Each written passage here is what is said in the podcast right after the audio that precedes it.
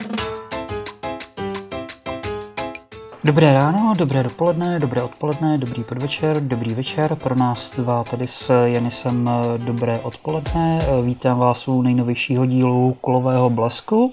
Ano, slyšeli jste správně, řekl jsem s Janisem, protože tady nemáme uh, Marii a nemáme ani Janu, ale v rámci genderové vyváženosti jsem tady teďka s novým hodnotícím Janisem Prášelu, nezávislým publicistou, jehož texty můžete znát například z Sinapuru filmu a doby Da Films a dalších, ani se mi to množství médií, kam přispívá, nechce vlastně výjmenovávat, takže ho tímhle tady vítám. Ahoj, zdravím.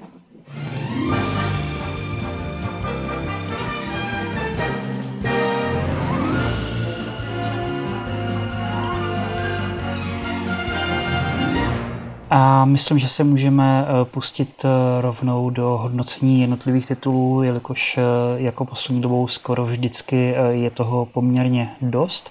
V závěru se obsáhleji budeme věnovat novince na VOD službě a to druhé řadě Ivety, která bude dostupná nebo by měla být dostupná od 5. května na Vojo ale předtím, než se dostaneme ke konci k Ivetě, tak vás v podstatě umoříme povídáním o e, spíše artových filmech, které v podstatě málo koho zajímají.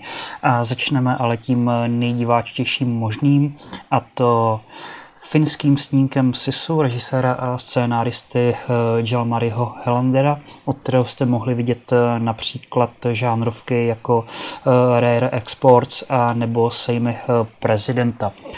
Helander původně eh, na místo Sisu plánoval natáčení úplně jiného filmu, ambicioznějšího, ale zasáhl mu do toho covid a pandemie s tím eh, spojená, eh, takže se rozhodl v rychlosti napsat scénář a zrealizovat za pouhých 6 milionů snímek Sisu, u kterého uvádí, že teda byl inspirován mimo jiné snímkem nebo titulem Rambo první krev, eh, ve kterém teda Sylvester Stallone eh, zabíjí spíše mimoděčně, eh, zatímco Sisu, respektive ta ústřední, prostě nepojmenovaná pořádně postava, zabíjí nácky po celou dobu 90 minut.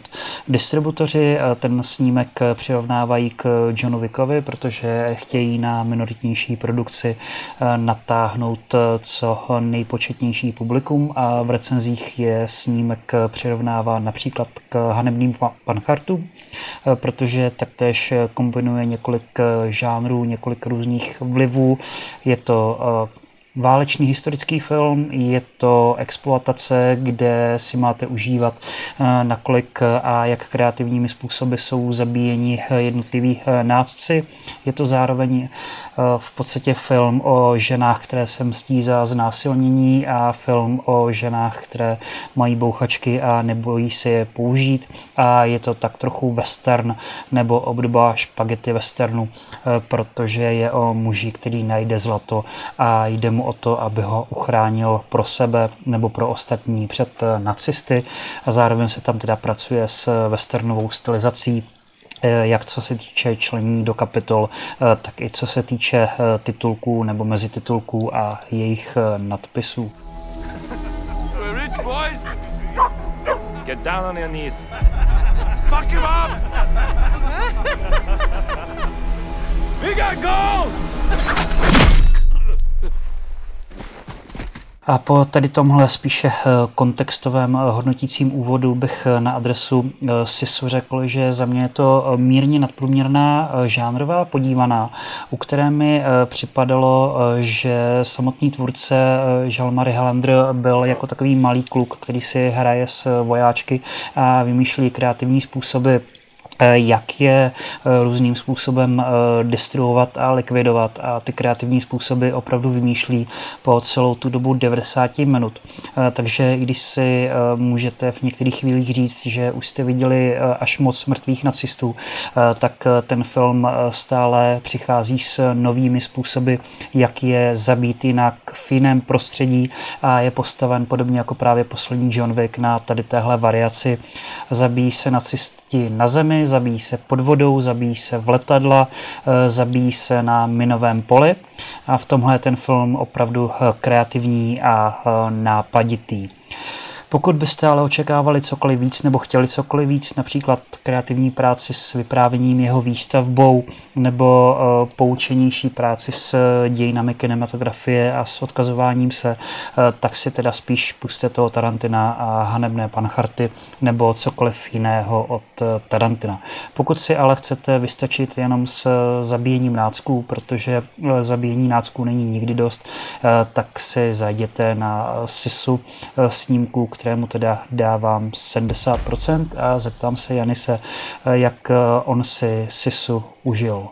Pro mě Sisu bylo příjemné překvapení. Já jsem se nejdřív musel zorientovat v tom, jaký žánr vlastně sleduju, protože, jak už zaznělo, tak je to film, který se odehrává na konci druhé světové války a já jsem vlastně čekal nejdřív historické válečné drama, ostatně vlastně ten film je i uváděn jako válečný akční film, ale pozléze mi došlo, že to je všechno trošku jinak. Souhlasím s Markem v tom, eh, že to je western částečně a že vlastně tam jde o něco jiného, než, než o eh, vystihnutí reálí. Eh, mně se ulevilo, když jsem vlastně mohl sledovat něco jiného než příběh, protože ten je opravdu jednoduchý a nepřináší nic zásadního, ani vyprávění není ničím inovativní. Takže jsem vlastně posledně zjistil, že ten film mě přesto stále baví a jsou to právě ty okamžiky destrukce, kterých si režisér opravdu, opravdu hodně užívá.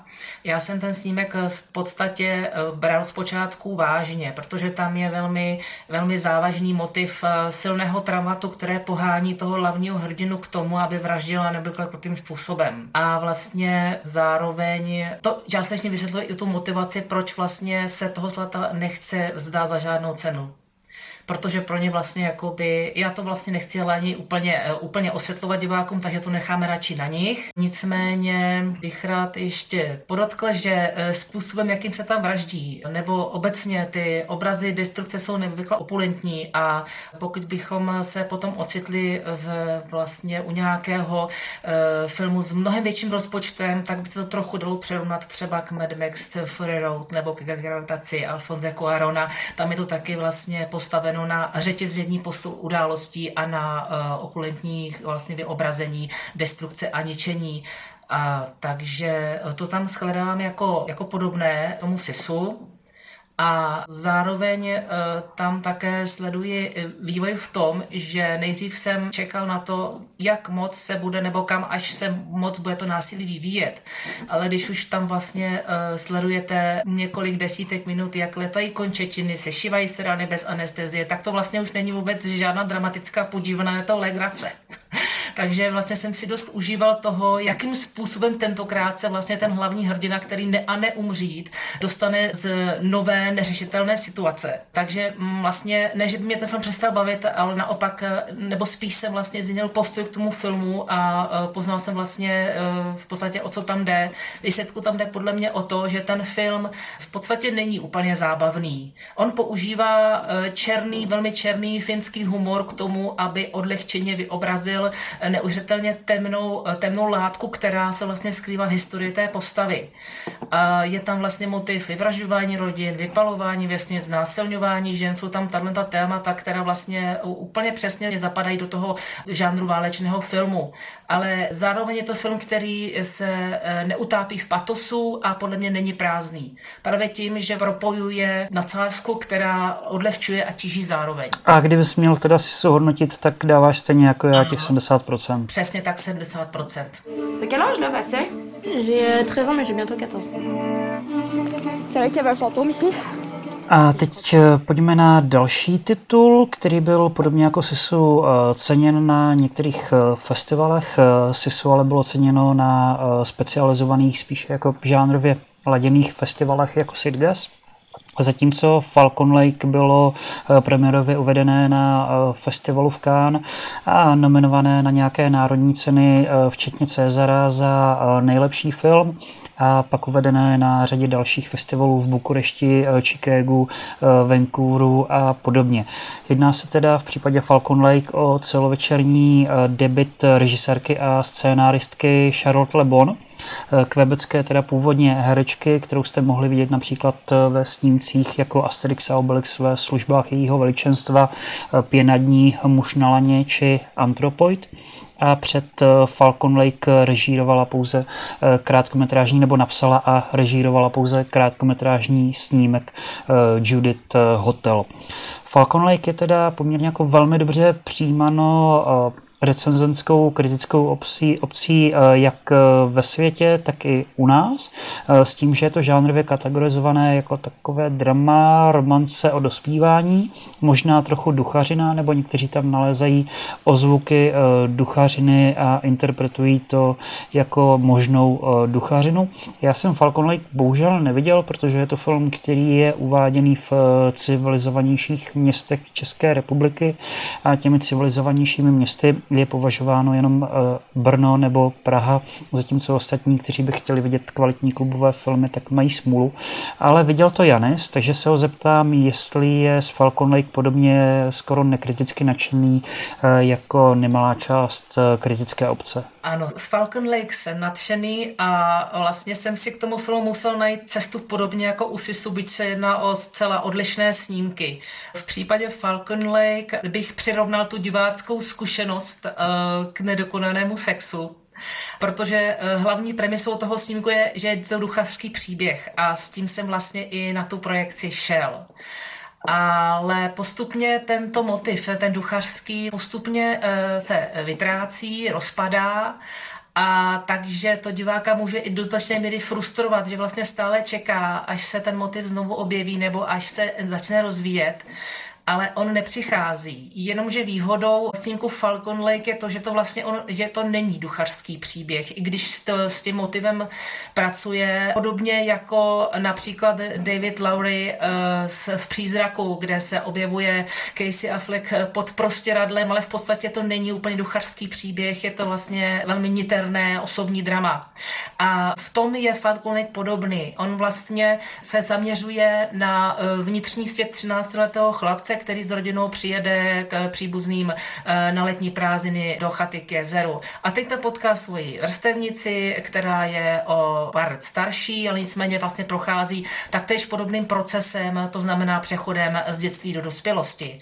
A eh, Tohle téma se čím dál tím víc akcentuje a je více než zjevné, že režisérka Charlotte Le Bon oplývá výjimečnou citlivostí pro vyjádření přítomného okamžiku a pro zobrazení vnitřního světa dospívajících postav. Líbí se mi na tom, jaký význam ona fázi dospívání dává a jak eh, dokáže tuto životní fázi eh, vyobrazit eh, v tragických rozměrech. Tam se vlastně jedná o to, že dospívání není jen přechodová fáze, ale že tam může život skončit, začít, že je to cesta do neznáma, ve které ten hlavní hrdina jde z kůží na trh, riskuje vlastně všechno a již ztrácí oporu v rodičích, kteří vlastně se dostávají postupně do pozadí. Krásně krásné je na tom filmu to, že on e, nevyjadřuje dětství jako e, infantilní část života. Naopak, je to fáze, ve které jsou ty postavy schopné navazat neobyčejnou intimitu, bez předsudků, bez soupeření, bez nějakého v podstatě sexuálního podtextu. Je to období, ve kterém se můžou být lidi blízcí vlastně natolik, jak už nikdy potom ne. Ten příběh dospění je i příběh o ztrátě. Proto ten chlapec prožívá vnitřní konflikt hluboký, protože protože on by se rád, eh, on by rád zůstal v tom dětství, kde může prožívat něco, co už vlastně nikdy později eh, tak prožívat nebude. Eh, tam bych vlastně tu blízkost, které jsou schopní vlastně lidé dosáhnout, přirovnal ke filmu Blízko Lukase Donta, který taktéž pojednává o niterném poutu mezi dvěma dospělícími chlapci. Je o tom, jak vlastně dospělý svět toto pouto fatálně naruší. Kdybyste teda měl Takže uh, Falcon Lake nějak hodnotit, sáhl bys po znám se nejvyšší, nebo kolik bys tomu uh, udělil a určitě proč? ne. Já si myslím, že nejvyšší hodnocení je 75 v mém případě kvůli tomu, že duchařský příběh je v tomto případě vynikající metaforou na dětství a dospívání a na to, jak vlastně vyobrazuje dospívání jako svět nebezpečný, fascinující a zrádný zároveň. A že vlastně eh, je to fáze, ve které my můžeme potkávat své vlastní přízraky. Hi, Carrot. It's Mom. I'm just calling to say that I'm so, so, so excited to see you tomorrow. You're my angel and I love you. Okay, I love you. Okay, bye, sweetie. I love you. Janis v případě Falcon Lake mluvil o tom, že eh, okolní svět může představovat hrozbu, eh, což je takové ideální přemostění k dalšímu titulu, který bude hodnocen, a to je On se bojí režiséra a scénáristy Ariho Astera. Eh, pro kterého je On se bojí eh, třetí celovečerní film po spíše hororech eh, Děsivé dědictví a Slunovrat. Opětovně jako u svých předchozích filmů spolupracuje se studiem A24, které loni na Oscarech slavilo velký úspěch se snímkem Všechno všude najednou a pro studio A24 je On se bojí nejnákladnější produkce vůbec, protože to přišlo na 60 milionů dolarů a titulní roli stvárňuje Oscarem za Jokera oceněný Joaquin Phoenix. Stejně jako v případě děsivého dědictví nebo slunovratu, Ari Aster dělá to, že se prostě chápe určitých jako žánrových rámců nebo žánrů eh, proto, aby vypovídal o tématech, která jsou mu blízká, respektive tématech a motivech, které se objevují v jeho celovečerních počinech, ale i těch krátkometrážních, jako je například různé rodinné sfáry, rodinná traumata, generačně přenášená traumata a takzvané mami nebo eh, daddy issues. Eh, jak se někdy říká, nebo s kolegyněmi v podcastu si říkáme, že by nám měl být proplácen terapeut či terapeutka, abychom vytěsnili nějaké zážitky z českých filmů, zejména za mě teda Bastardi reparát a za Janu slovenského invalidy, tak v případě On se bojí si říkám, eh, že by měl být proplacen terapeut nebo terapeutka, abychom si s ním nebo s ní o tom filmu promluvili a mnohem lépe tomu porozuměli protože on se bojí je titul, eh, který používá řadu těch eh, psychoanalytických, dejme tomu, konceptů eh, nebo věcí, a tak si ten snímek užijete víc, pokud je znáte, a předpokládá se, že je znáte. Zároveň bych řekl, že si ten film tak trochu jako dělá legraci z některých těch psychoanalytických konceptů nebo se vyvíjí směrem, který úplně neočekáváte. Takže když si řeknete, že je to oidipovské drama nebo drama o oidipovském komplexu, tak je tam určitý zvrat, který nečekáte. Pokud je vám jasné, že se tam pracuje nějak s koncepty falu nebo absence falu, tak ten falus tam je, nějak se zmotní a nějak se s ním zachází a nějak se s ním pracuje eh, taky neúplně očekávatelnou, neúplně předvídatelnou, v jiných filmech jako viditelnou eh, cestou nebo eh, způsobem. Já se tady velmi jako problematickým způsobem snažím ten film jako nějak zařadit, škatulkovat a podobně, ale ono to jako fakt nejde. Eh, Ari Aster používá přirovnání, jakože on se bojí, je prostě takový židovský pán prstenů, eh, čímž myslí, že je to jako taky film o cestě, akorát výrazně akcentuje jako židovské záležitosti, zejména jako pocit viny. Takže jasně, je to takový trochu road trip, já jsem si to překřtil jako guilt trip, jako cesta o vině, cesta o vykoupení z viny, nebo cesta, která vede k odsouzení za nějakou vinu nebo za domělou generační nebo mezigenerační generační eh, vinu.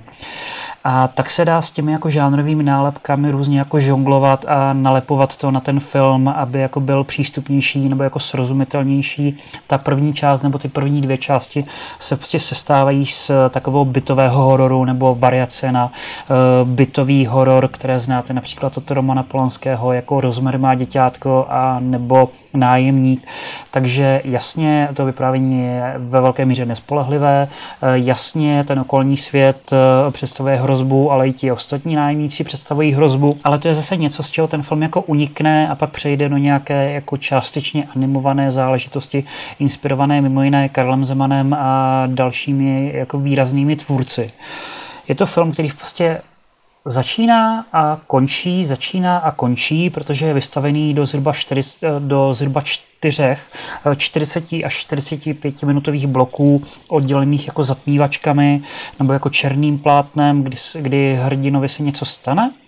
A pak jakoby znovu ožil, nebo sledujeme znovu to stejné, ale variované, takže se tam variuje téma sledování, variuje se tam téma té dědičné viny, variuje se tam téma těch jako mami a daddy issues a podobně a tak dál. Já za sebe můžu říct, že takhle originální film jsem opravdu v kině neviděl dlouho. Myslím, že takhle jako nápaditý, nekompromisní film v kině jenom tak dlouho neuvidíme.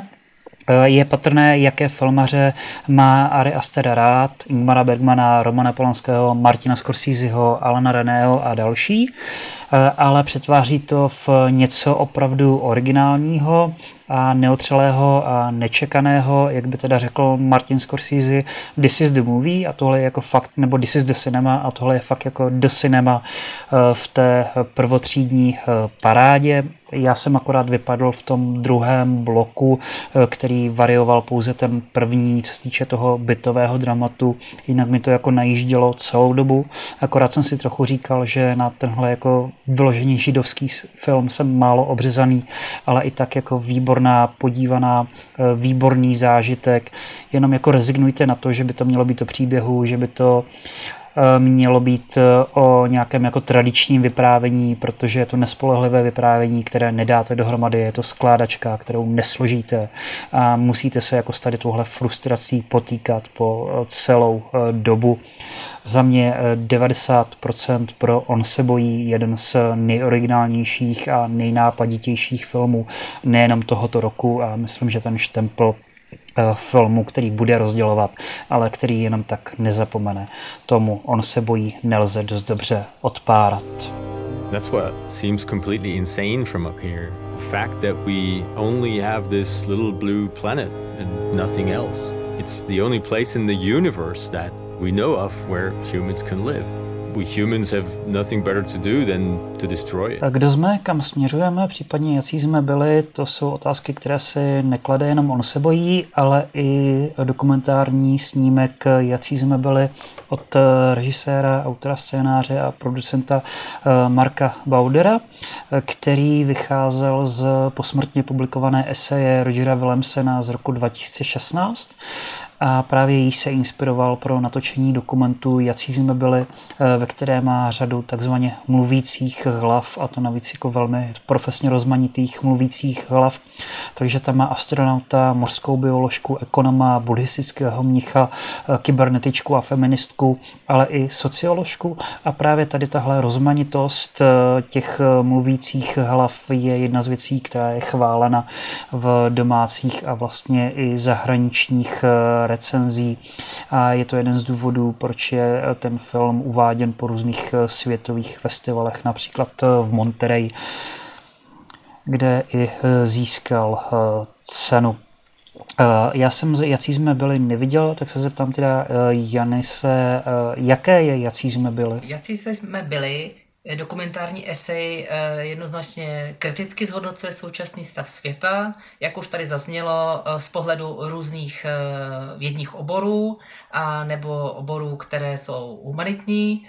A vypovídá o tom, že svět se hroutí, život na Zemi nás, vlastně život nám utíká mezi prsty, čeká nás zánik a pokud s tím něco neuděláme, Zajímavé je právě spojování jednotlivých eh, různých eh, pohledů. Jako příklad mohu uvíst pohled z budoucnosti, což eh, se projevuje ve slovním komentáři, který zkoumá, kdy přesně se západní společnost vlastně pokazila, zdali to bylo za Platona v osvícenství nebo někdy později.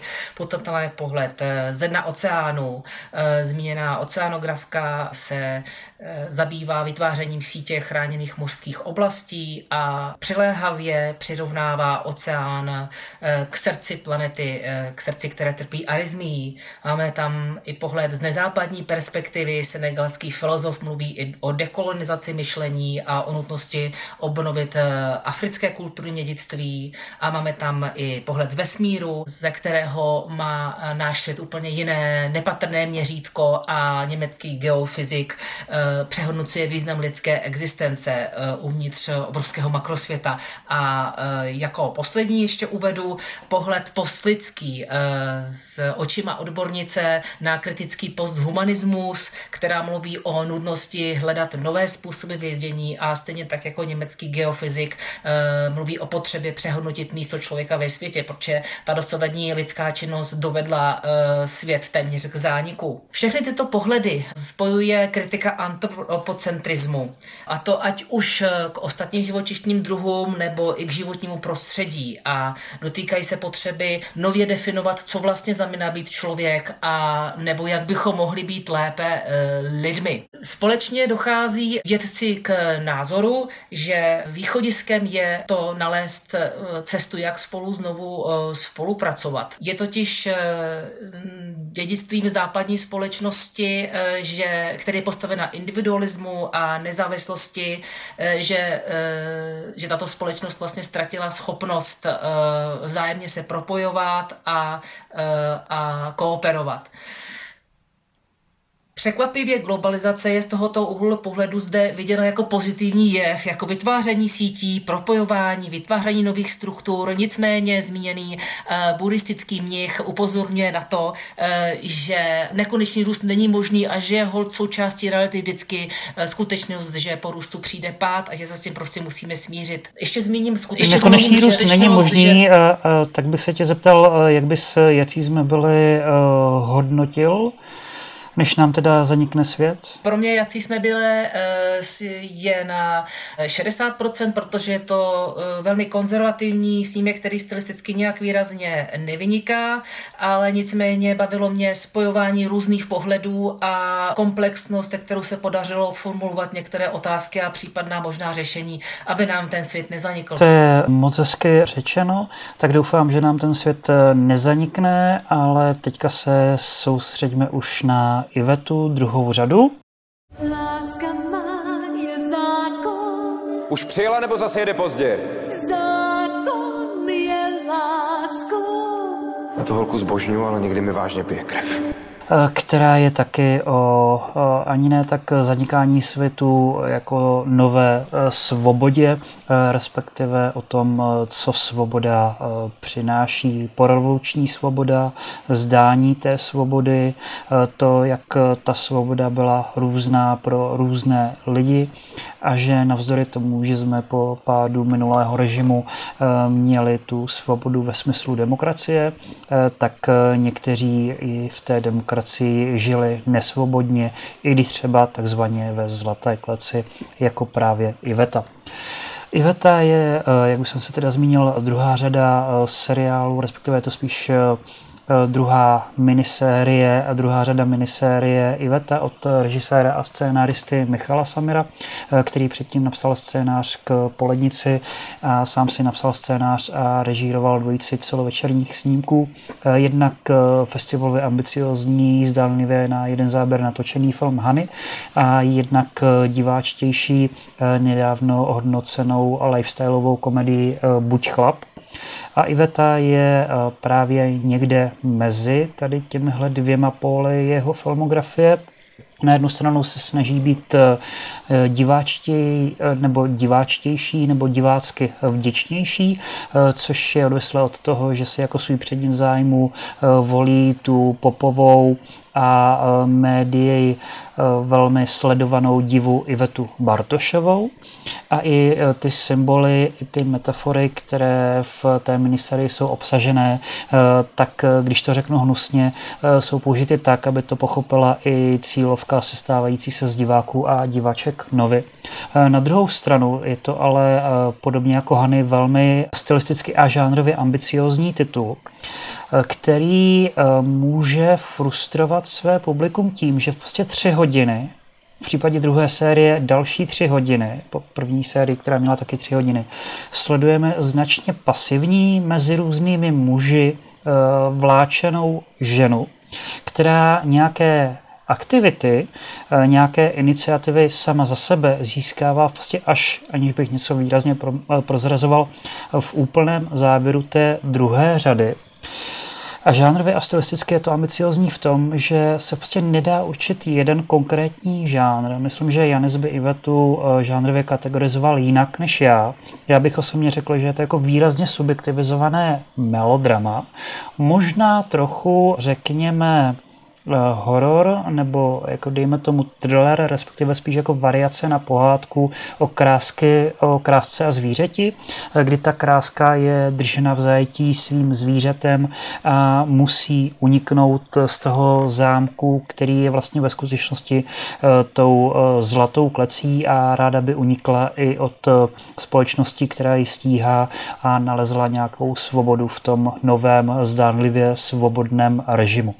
A právě tady tohle téma i to rozpoložení té ústřední postavy eh, se projevuje na jednotlivých stylistických volbách, eh, protože tam eh, i díky kameramanovi Martinu Doubovi, který snímal Modré sníny vodníka a zrádce, se nějak pracuje s barevnou paletou nebo barevnými paletami, které něco znamenají, ať už je to ta zlatavá, která má vyjadřovat prostě takové to pozlátko, které je ale falešné, a nebo ta dominantně modrá barevná paleta, nebo to modré nasvícení, eh, které má vyjadřovat nějaké to možné ohrožení a uzavření do té klece nebo uzavření do bytu či uzavření se před tím okolním světem a interpretovat se to dá vloženě jako různě.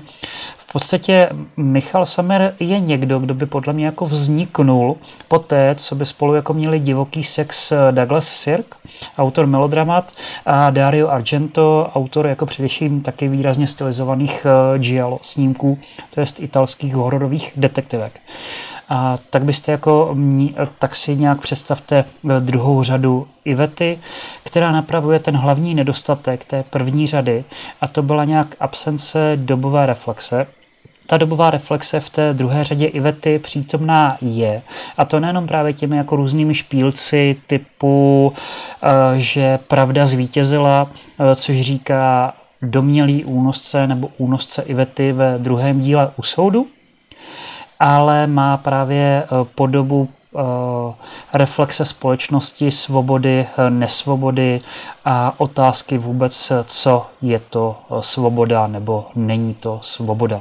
Neočekávejte ale nic, co by jako poskytovalo eh, jednoznačné odpovědi a neočekávejte nic, co by se nějak jako chtivě popásalo eh, na té Ivetě Bartošové, která měla tragický osud.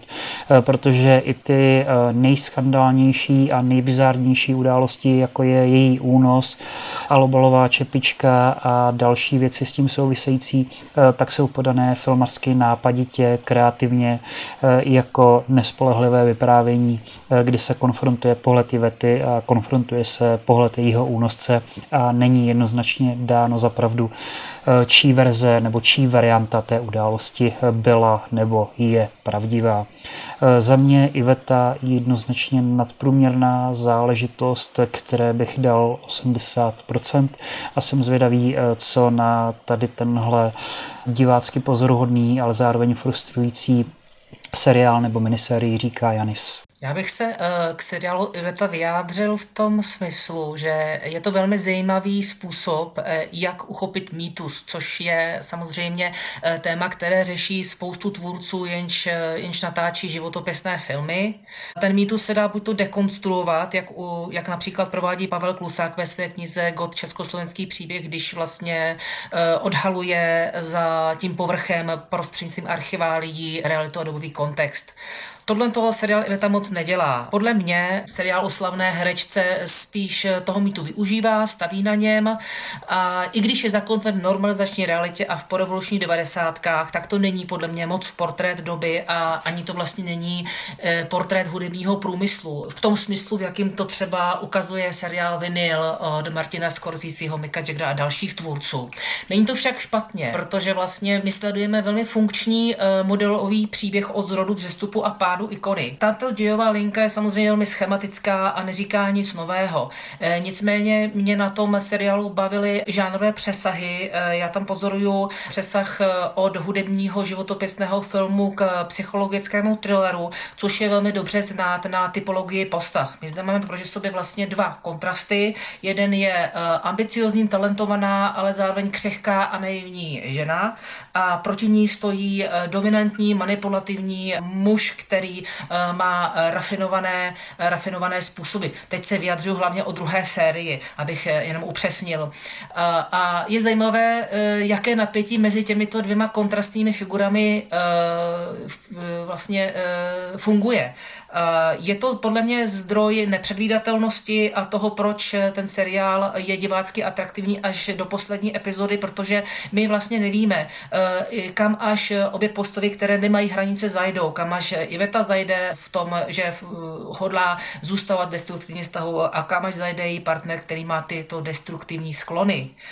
Myslím si, že film v tomto hledisku vypovídá obecně o příbězích lidí, kteří se trápí v toxických vztazích a nejsou z různých důvodů schopni opustit. Takže tam je první přesah a druhý přesah je podle mě feministický, protože, jak už zde zaznělo, je to příběh ženy, která se ocitá v moci manipulativních mužů. Ale e, kromě toho ona bojuje nejenom, nejenom s muži, ale i sama ze sebou, protože kopíruje nějaké e, vzorce, které nutí zůstávat v tom prostředí, ve kterém jí není dobře, ale následuje vlastně vnitřní transformace postavy, její přerod. Takže je to, takže je to výsledku příběh, který je katarzní, nabízí možnost řešení, vyřešení vlastně neřešitelné situace. V tomhle tom je silný a dokážu si představit, že seriál Iveta by, by mohl fungovat jako příběh fiktivní postavy protože funguje i bez znalosti kontextu. Podle mě ho můžou eh, mít v oblibě i lidi, kteří mm, v podstatě o Ivetě Bartošovi nic nevědí a zároveň by příběh e, o fiktivní postavě nemusel zbuzovat takové rozpaky jako některé scény Ivetě, které mi přijdou e, nevěrohodné, hlavně z hlediska fungování institucí. E, tam jsem si opravdu musel klást otázku, jestli to opravdu v 90. letech tak fungovalo, jestli show business byl takový, takže, takže mi to vlastně odvádělo pozornost od toho příběhu samotného. Souhlasím s tím, že eh, v Ivetě nebo v tom seriálu Iveta je reflexe dobové reality především 90. let. Seriál tuto dobu vyjadřuje poměrně jednorozměrně jako dobu, která přeje spekulantům, kriminálníkům, mafiánům, ale zároveň eh, je to prostředí, ve kterém se hledá svoboda. A co to vlastně svoboda je, jak ji dosáhnout? Zde se nabízí vlastně krásná paralela mezi příběhem té hlavní postavy, která se po pokouší osvobodit se od, od schématů, které jí pronásledují už v dětství, a mezi společností, která se také pokouší od, osvobodit od totalitního režimu a hledá vlastně nové způsoby, jak fungovat. S tím souhlasím. Jak byste teda Ivetu druhou řadu hodnotil? Já bych ji hodnotil na 65%, přičemž ale souhlasím, že to je nadprůměr. Nevidím tam bohužel hodnoty z hlediska dramatu, životopisného snímku, ale s velmi vysoce hodnotím odvahu pracovat ze žánry, prolinat vlastně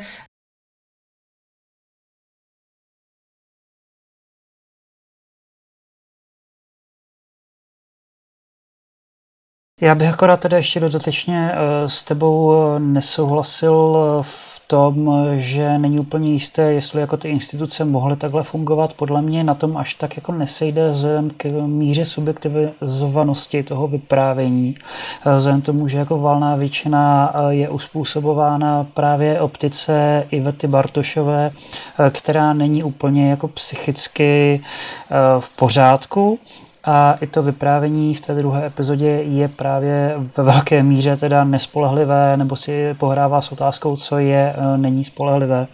A co se týče ještě těch paralel, tak mezi jako paralelami e, osud Ivety a osud společnosti a otázka svobody, e, tak podle mě každá ta epizoda si velmi dobře vytváří i nějaké paralely, co se týče toho, co zrovna Iveta produkuje. Takže například, když touží účinkovat v opeře, tak ve druhé epizodě účinkuje v opeře Nabucco, přičemž má význam, že je to právě opera od Giuseppe Verdiho Nabucco, protože ta pojednává o osvobození židů z babylonského zajetí. A podobně my sledujeme právě osvobozování se, nebo naopak v kontrastu s tím Eh, zavírání, uzavírání a nesvobodu té Ivety. A takhle by se dalo pokračovat eh, dál i co se týče té užité hudby nebo písní či skladeb například od Handela, kterou si člověk může asociovat s Berlinem, eh, protože jak Berlin od Stanleyho Kubricka, tak i Iveta jsou takové jako vyprávění o sociální mobilitě, o mobilitě za tím Eh, mít víc peněz, kdy si člověk přesune eh, do jiného prostředí, ale zároveň si to od těch postav, jak Berlin, tak i Veta, vytváří určitý odstup a je to tak trochu jako mírně eh, v rámci mezí zákona a toho, co si jako ten filmař v dané době může dovolit satirické. A vzhledem k tomu, že my už z té stopáže pomalu přetékáme do basketbalu, jak se říká, eh, tak eh, já bych jenom na závěr, jak už tradičně vybral nějaké pozoruhodné citáty ze sociálních sítí eh, posledního týdne. Nejvíc mě zaujal takový Dříve jsem mu představoval jako Benjamínka poststrukturalismu, ale v současnosti je to už jako skoro plně kovaný poststrukturalista tak citát od Benjamina eh, Slavíka, eh, který na Twitter napsal Nejen, že v Česku neregistrují žádné dobré anebo inspirativní kulturní psaní, ale registrují pouze nátlak v ideologickém referování o kultuře, respektive znemožňování psát o kultuře jinak, než jako o příkladech vyprávěních, která jsou nositeli významů, jež podávají zprávu o stavu společnosti tak tímto bych se chtěl eh, Benjaminu Slavíkovi omluvit za to, že eh, dále šíříme tady tenhle eh, nátlak o vyprávění a o audiovizuálních dílech jako o nositelech významu. A tímto bych se za sebe rozloučil a nechám jenom nového Janise, nebo nově hodnotícího Janise, aby se rozloučil i s vámi. Také se loučím, děkuji, nashledanou.